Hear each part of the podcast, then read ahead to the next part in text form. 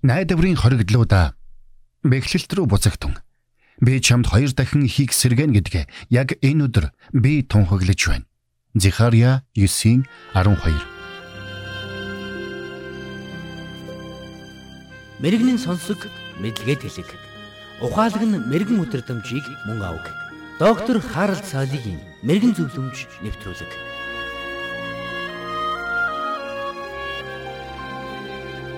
Хүн төрлөختөн эрт дээр үеэс эхлээд бэхлэлт цайзуудыг барьж байгуулж иржээ.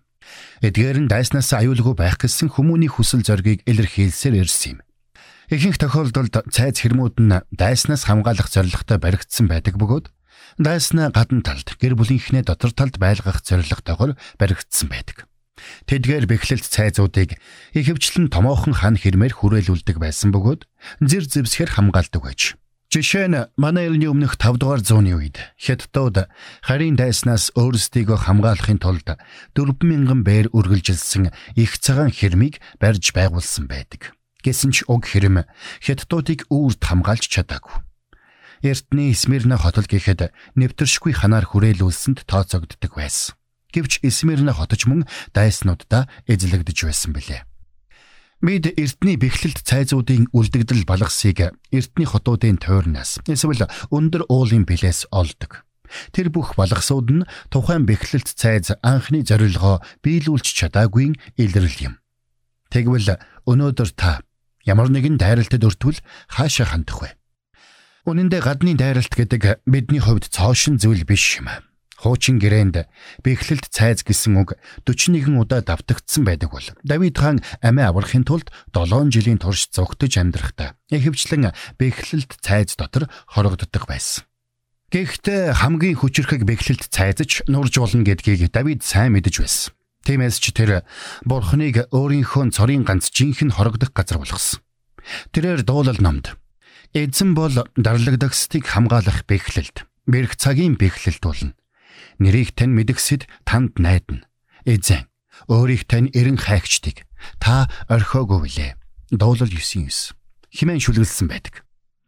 Тэрээр зөвхөн бурханд л итгэж найдах учиртай гэдгийг амьдралынхаа туршилгаар олж мэдсэн байсан.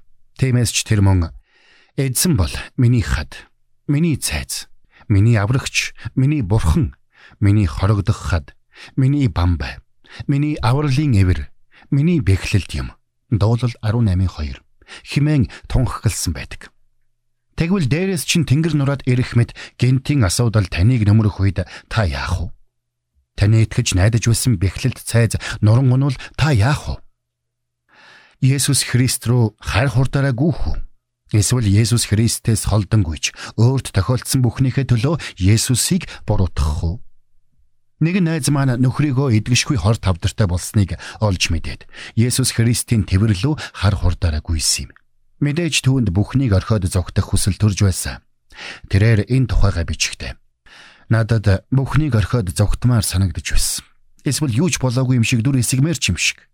Эсвэл зээлийн карта аваад хаашаач хамаагүй машинтайгаа давхимаар ч юм шиг. Эсвэл эргэн тойронд байгаа хүмүүс рүүгээ уурлаж хашгичмаар ч юм шиг. Эсвэл идэж чадхааргүй болтлоо юм идмээр, эсвэл өрөөндөө хаалгаад өгжээд ганцаархнаа хэвтмээр тэр бүхэл машинтайгаа хамт хавцал дээрээс үсэрмээр чимшиг санагдаж байлаа. Энэ мэт маш олон бодлоод миний толгойд төрж байсан. Химэн өгүүлсэн байсан.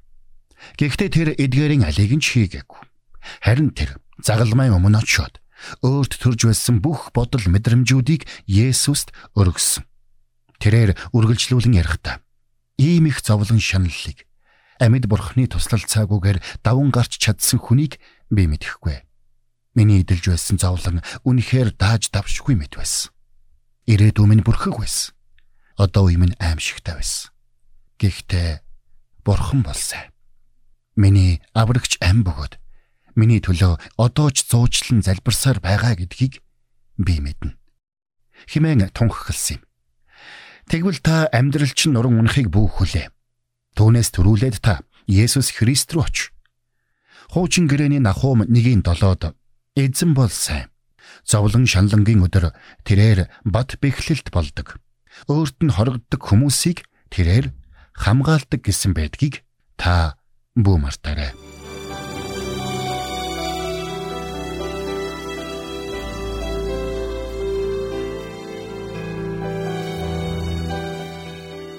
Мэргэн нэгнийг дагуул мэргэн, мулгуутай нөхөрлөл хорлол. Доктор Харалт цайлигийн мэрэгэн зөвлөмж нэвтрүүлэг танд хүрэлээ.